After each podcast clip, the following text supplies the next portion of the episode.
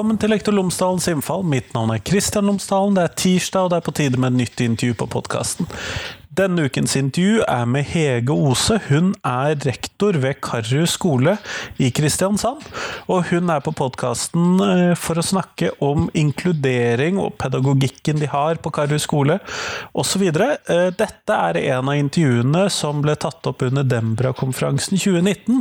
Så altså inkludering, det er dagens tema. Her får du intervjuet. Vær så god.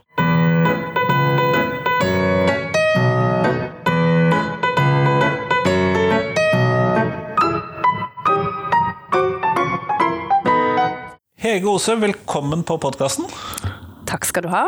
Eh, før vi starter selve intervjuet, kunne du ha forholdt lytterne mine tre ting om deg selv, sånn at de kan bli litt kjent med deg? Det kan jeg. Um, ja, Hege Ose er navnet mitt. Jeg er 45 år, fra Kristiansand. Rektor på Karus skole i Kristiansand. Um, elsker jobben min. Brenner for jobben min. Jeg er også veldig glad i familien min. Jeg har to gutter og en mann. Så livet mitt består veldig mye av familie og eh, jobb. Og jeg brenner for at alle barn skal få lov til å møte en god lærer når de går på skolen og at de skal kjenne at de hører til på skolen. Det høres veldig bra ut. Eh, I dag så er vi her fordi at du er på Dembra-konferansen. Du skal holde en workshop om uh, integreringskultur, så vidt jeg kunne se av ja, programmet. Ja, inkludering. Inkludering, det er viktig forskjell. Kunne du fortelle meg litt mer om hva det er du skal snakke om der? Ja, eh, jeg skal snakke om eh, Karru skole og hvordan vi har bygd en eh, kultur der. Eh, over flere år, ganske systematisk, for at eleven skal kjenne at dette er en god skole å gå på, uh, uansett faglige og sosiale forutsetninger. Vi har et stort mangfold på vår skole, uh, og det er en veldig styrke. Jeg tenker det er flott for elever å, å ha Karu som del av sin oppvekst. Og jeg skal snakke litt om hvordan uh, lærerne jobber hva som er viktige elementer i den kulturen. Og så skal jeg snakke litt om hvordan vi driver med inkluderende undervisning, og skal jeg si litt om ledelse. Ja, det litt, hører jo med, det òg. Det hører med, ja. Jeg brenner veldig for den kulturen som vi har klart å skape, og der er det noen, noen elementer som, som, jeg snakker om som eh, jeg tror er veldig viktige. Og så blir det et praksisnært eh, lite innspill i konferansen, sånn at eh, jeg håper de som kommer der, og jeg hadde det jo i går, sånn at de som kom der var veldig glad for at de fikk eh, eksempler fra virkeligheten, og at rektor også vet hva som skjer ute i klasserommet. Det tenker jeg bra, men hva, for dette er da et ganske mangfoldig skole som da har stort sprik i elevmassen? Mm. Hvis jeg forsto deg riktig. Mm. Men eh, hvordan er det man da jobber for å få til denne inkluderingen? Ja, um, for det første så har skolen vår alltid jobba veldig hardt for at læreren lærerne skal jobbe tett sammen. Så samarbeidskulturen er veldig satt. Uh, og vi, vi, har felles arbeidstid, sånn at læreren er der samtidig. Og vi bruker mye tid på å jobbe med eleven både faglig og sosialt. Så vi har brukt penger på å ha to kontaktlærere i hver klasse og har forventninger om veldig tett samarbeid eh, om eleven. Vi er knytta i trinn på Karus, sånn at vi har egentlig så få lærere som mulig rundt klassene. Eh, og de har et veldig sånn felles ansvar for uh, trinnets elever. Og da får de en veldig vid følelse rundt eleven. Det tror jeg er viktig. Det er våre elever. Så har vi hatt en uh, ganske fast rammesetting i forhold til rutiner på skolen, sånn at vi, vi får en, en, trygghet rundt at vi vet hva vi skal forholde oss til. og det er godt for elevene også. Sånn at disse elementene er ganske vesentlige. Og så har vi i tolv år eh, jobba etter en eh, analysemodell der, som heter pedagogisk analyse. Det er egentlig Thomas Nordahl som har eh, laga den modellen, eh, som er fint på den måten at vi sitter sammen, flere lærere, på tvers fra første til tiende klasse. og så har vi ulike utfordringer. Som, vi har en veisøker som har en case som vi skal prøve å hjelpe veisøker med. Og Poenget med at jeg mener dette er godt for vår skole, det er det at dette eh, Poenget her er at man ser på systemet rundt eleven. Hvis eleven har en, eh, en ADHD-diagnose, så kan ikke han noe for det. Det er vi voksne rundt som må faktisk gjøre hverdagen hans optimal. Og da ser vi på hva kan vi gjøre for at den gutten skal ha det optimalt, eller den jenta. Men det er flest gutter. I hvert fall med den diagnosen. Med den diagnosen. Så kan du si um, det gjør noe med perspektivet de voksne på skolen har. For de tenker uh, her er det vi som må stå sammen, og vi må lete etter gode løsninger for uh, den eleven. Og det er ganske vesentlig at vi samarbeider om elevens mestring på den måten der. Så er det godt å bruke hverandre, for vi er en 1-10-skole, så det å få lov til at førsteklasselæreren gir råd til eh, de som har de eldste på skolen, det er helt supert rett og slett. Og de kjenner kanskje elevene også fra før av? Noen av de har jo gått på Karus hele tida, men det er jo sånn at vi har bare én parallell på barnetrinnet. Så får vi to klasser fra eh, en annen bydel eller en annen skole som heter Slettheia. Og, så to tredjedeler kommer fra Slettheia når de kommer på ungdomstrinnet, men da får vi blanda veldig, veldig fint. Men eh, noen elever kjenner de ja, fra, eh, fra de har gått der fra de var knøttsmå. men man har jo kanskje andre perspektiver perspektiver som førsteklasselærer enn som tiendeklasselærer? Ja, man har det, men du vet, den, den, eh, det, det, som har med rutiner å gjøre, det som har med rammesettinger å gjøre, å skape den tryggheten, det er akkurat det samme for en uh, ungdom, altså. Så, eh, så vi, har, eh, vi, har, egentlig brukt mye tid på å skape noen eh, kollektive strukturer på skolen som, som egentlig det frir tid. Det som sier, Vi låner hverandre litt autoritet når vi har felles rutiner på skolen, og det, det setter læreren pris på. Så samarbeidskultur er det ene vi har jobba veldig mye med. Så har vi eh, et elevsyn som jeg tror har mye å si for hvordan eleven opplever det er å gå på skolen vår. Um, vi har et sånt ordspråk 'catch the children being good'. Uh, og det å forsterke det gode eleven gjør, og det å lete etter det positive, det er ekstremt effektivt når det gjelder å få eleven til å opptre på en god måte. Uh, vår skole har aldri hatt en merkningssystem, f.eks. Og uh, for oss så er det sånn at um, grunnen til at en ikke har en merkninger, det er jo fordi at vi mener det virker på de som ikke trenger det. De elevene som viser en utfordrende atferd, de må vi jobbe med på en annen måte enn å sette merknader. De gir jo ofte blaffen i anmerkningene også? De gir blaffen i anmerkninger, og, og, de vil få 40 stykker, og da kan en lure på hva, hva er effekten av det tiltaket. Så vi, vi tenker litt at uh, vi må jobbe på en annen måte.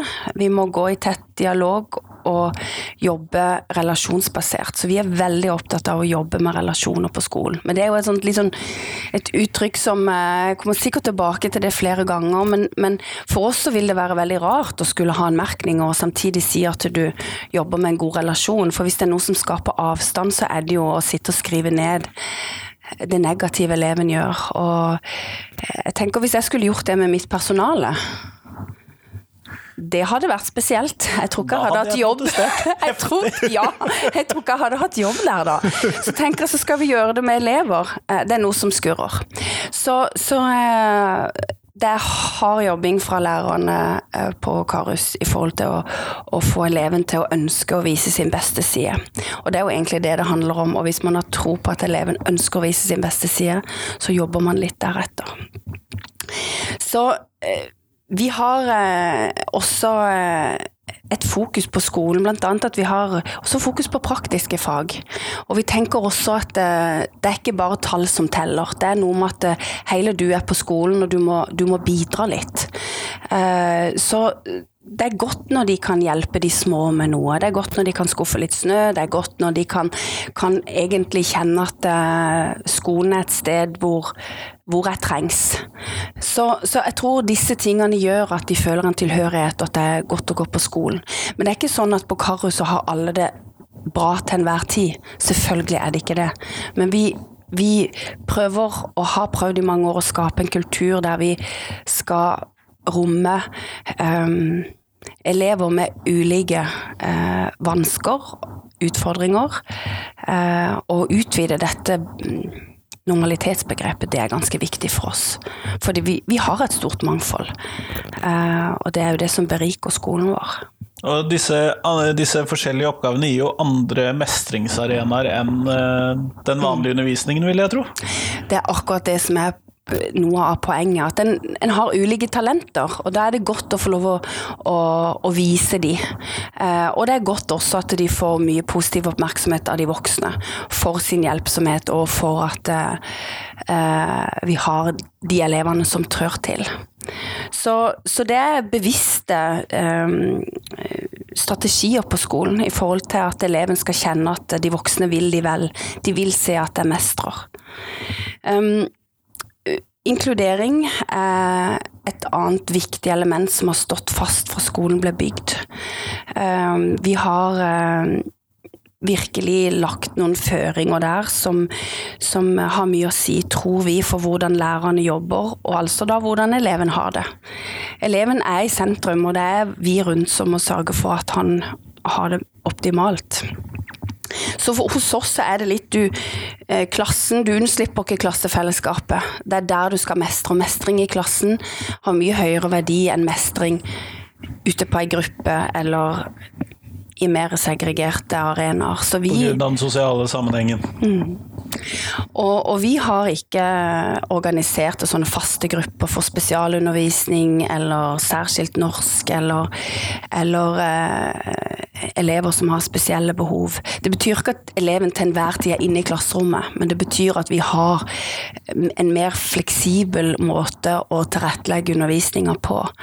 Sånn at vi setter ressursen inn i klassen, og vi, vi deler opp klassen i stasjoner. og Vi har, har selvfølgelig også små kurs og repetisjonsøkter osv., men vi prøver å gjøre det veldig fleksibelt, sånn at eleven som har store vansker, ikke skal kjenne på at eh, hver eneste time så, så skal jeg ut av klassen, for jeg er så dårlig. Nei, og det gir jo et nederlag hver eneste gang. Hver eneste dag, og det skal ikke eleven kjenne på. Så derfor så vil ikke vi ha den type organiseringer på vår skole. Men dette må jo skape en del utfordringer for, både for lærerne som ledere, men også kanskje for deg som leder? Mm. Ja, og det, det, er derfor jeg sier det. Den kulturen er så viktig. For over mange år så har vi jobba med både det å håndtere klasserommet, altså jobba med klasseledelse.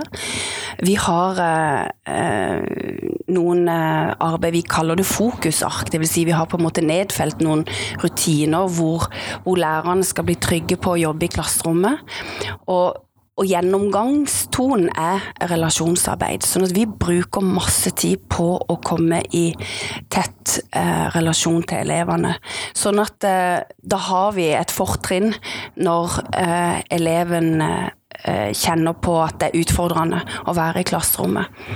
Um, så handler det litt om at lærerne står veldig sammen eh, og hjelper hverandre. Eh, og det, det er også veldig viktig at de er eh, veldig sammensveisa som trinn, og som når det er to kontaktlærere, så, så gir det de styrke også. Men det er tøffe tak. Det er det. Og det er også sånn at du som leder eh, eh på Karus, det er ikke alene, vi er et lederteam. Helt avhengig av mine eh, to som inspektører. Og, og, vi må være tett på lærerne, sånn at læreren skjønner at vi vet hva det vil si å stå i, i vinden. For det, er en ganske tøff eh, situasjon mange ganger. Ehm, men det som er litt bra, da, når du har kulturen så ehm, fast på skolen, så kjenner læreren også på en veldig forpliktelse og et engasjement for at jeg skal få det til. Og så har jeg lyst til å si også at eh, Nå snakker vi mye om lærerne, men vi har også noen fagarbeidere og miljøterapeuter på skolen som virkelig er limet i organisasjonen, og de blir altfor sjeldent nevnt. Men de er helt fantastiske. Og samarbeidet mellom lærere og fagarbeidere er veldig vesentlig for at eleven skal ha det godt på skolen. Så um, jeg har lyst til å slå et slag for uh, Ja, det, det er bra med lærernorm, men vi må passe på at uh, vi har ulike kompetanser inne på skolen. Ja, det trengs jo selv også for uh, grunnskoler og sånn. Man hører jo Absolutt. ofte om det for eh, videregående skoler, særlig der mm. man har mye yrkesfag, men også nødvendig både 1-10-skoler og barneskoler og ungdomsskoler. Mm. Mm. Men når man da eh, leder en sånn skole her og driver da med aktivt inkludering av disse elevene. Mm. Eh, møter man forståelse for dette hos de som kanskje hos foresatte som mest, de barna som mestrer skolen? Ja, det er jo eh, Det er mange som spør meg om det. Om, liksom, eh, om jeg får, eh, får, klager fra foreldre hvis det er uro, eller hvis det er noe i klasserommet som ikke fungerer. Og det er klart Foreldrene på Karus de må jo også si fra. Jeg ønsker jo de skal det. Men, men vet du, vi opplever å ha en foreldregruppe som er veldig, veldig positive. Og så må jeg jo si at vi har det rolig. Eh, sånn at eh, det er, det er, også noe med at eh, de har veldig tillit til de voksne. Jeg tror at læreren gjør en kjempeviktig jobb når de møter foreldre. Enten det er på foreldremøter eller det er på utviklingssamtaler. Så, så tror jeg at de gjør en god jobb. Og det tror jeg sparer rektor for mange henvendelser også jeg tror at uh, Jeg håper foreldre sier fra hvis det er noe de ikke er fornøyd med. Det tror jeg de gjør. Det gjør man i dag, i dagens samfunn. Um, men så tror jeg det er jo faktisk sånn at uh, det er mange av elevene som har det veldig bra, og det merker foreldrene. Så uh, det jobbes veldig hardt. Jeg tror foreldrene merker at det jobbes veldig hardt hvis det er noe som ikke går som det skal. For det er jo klart det er det så, så jobber læreren veldig hardt, og det tror jeg foreldrene merker. Men hvis du skulle ta oss og gi råd til eh, en annen rektor eller en annen skole som mm. også ønsket å sette større fokus på inkluderingsarbeidet sitt i skolen. Eh, er, er det noen spesielle ting du ville trekke fram der for, som du ville gi råd om? Ja, altså hvis den skulle ha, ha på en måte starta med noe, så tenker jo jeg at det med spesialundervisning og, og den, den, måten å tenke på kan være et klokt sted å starte. Det som er så fint nå, er jo at det forskes voldsomt mye på effekten av spesialundervisning, og der eh, støtter vi oss veldig på Speed-prosjektet og, og eh, Thomas Nordahl og Peder Haug med flere har jo over år nå sjekka ut effekten av spesialundervisning. Og hvis en da hadde eh, hørt på de, eh, så tenker jeg at man hadde kanskje fått et annet perspektiv på hvordan man bør drive opplæringa på skolen.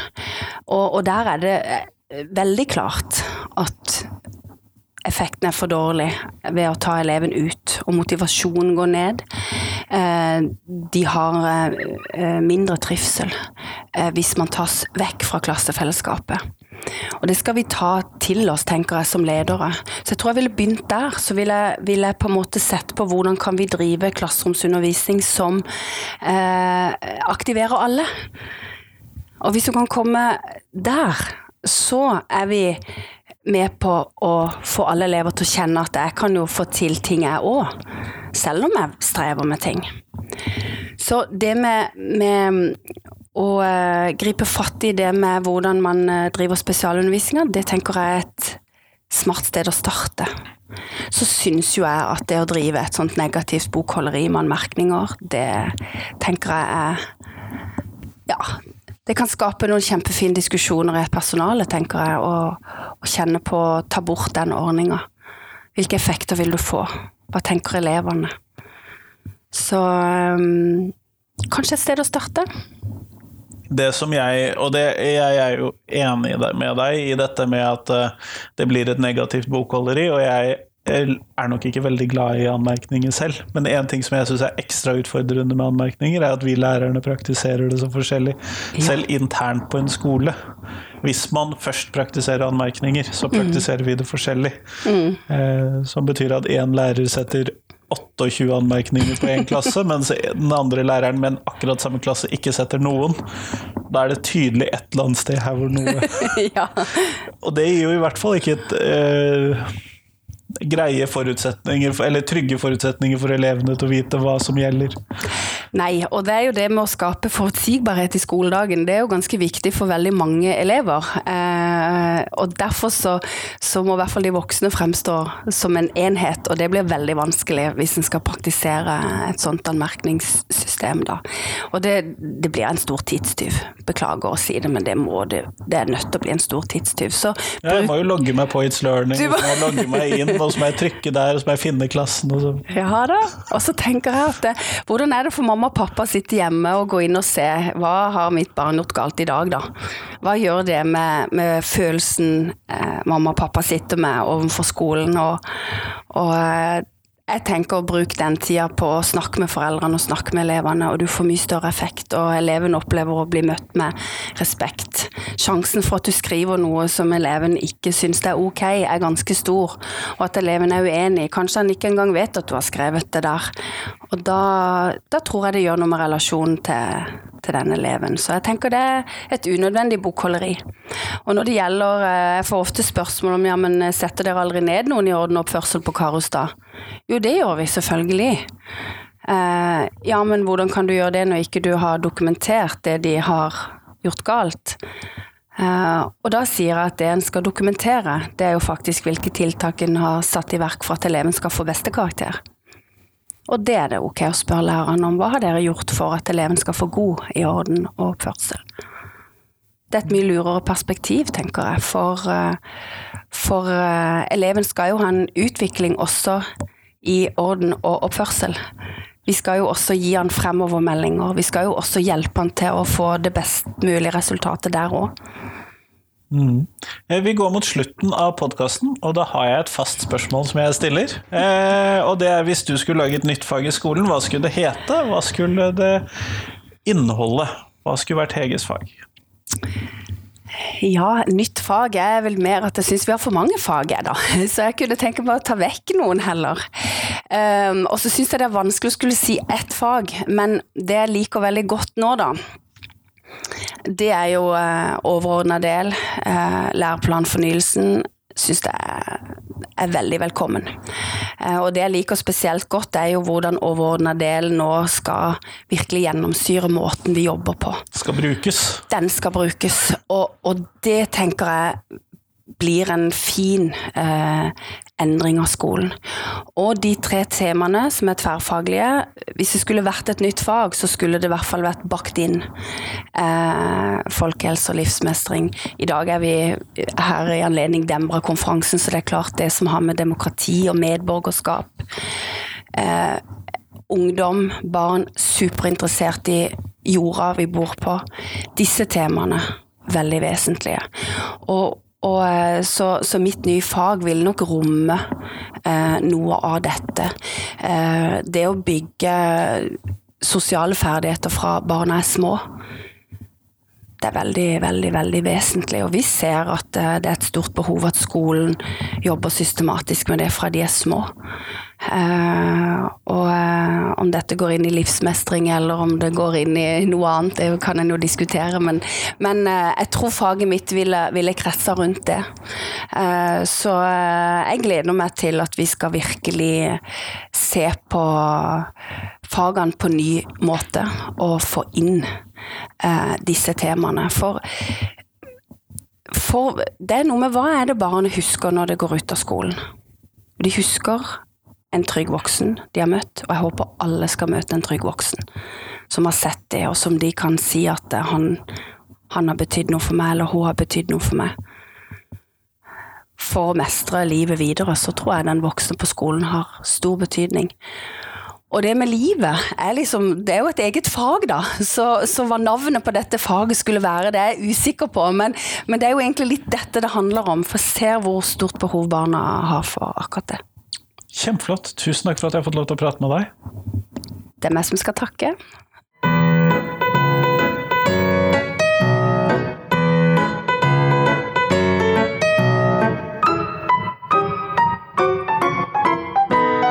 Tusen takk til Hege, og tusen takk til deg som hørte på. Nå er det bare noen dager til neste intervju. Siden det er påske, så slenger jeg ut to intervjuer denne uken. Eh, på fredag så kommer intervjuet mitt med Kjetil Braut Simonsen fra Jødisk museum i Oslo. Eh, da skal vi snakke om eh, konspirasjonsteorier, antisemittisme, kildeforståelse og mer, så det ser jeg fram til. I mellomtiden så hadde jeg vært veldig glad hvis du, selv om du kanskje ikke hører på dette via Apple Podcast eller iTunes, kunne gå inn med iTunes-kontoen din og så trykke en review, eller skrive en review, trykke på noen stjerner der for, på podkasten. Det hadde jeg blitt veldig glad for. Eh, rett og slett fordi at det er det som får podkasten min mest mulig spredd. De fleste søkemotorene bruker disse reviewene og hvilken ratingen den har i iTunes, som en veldig god basis for hvor høyt opp podkasten klatrer på listene når man søker osv. Så, videre. så jeg hadde blitt veldig glad hvis du kunne gjøre det. Men i hvert fall fram til fredag, så får du ha en god uke. Hei, hei!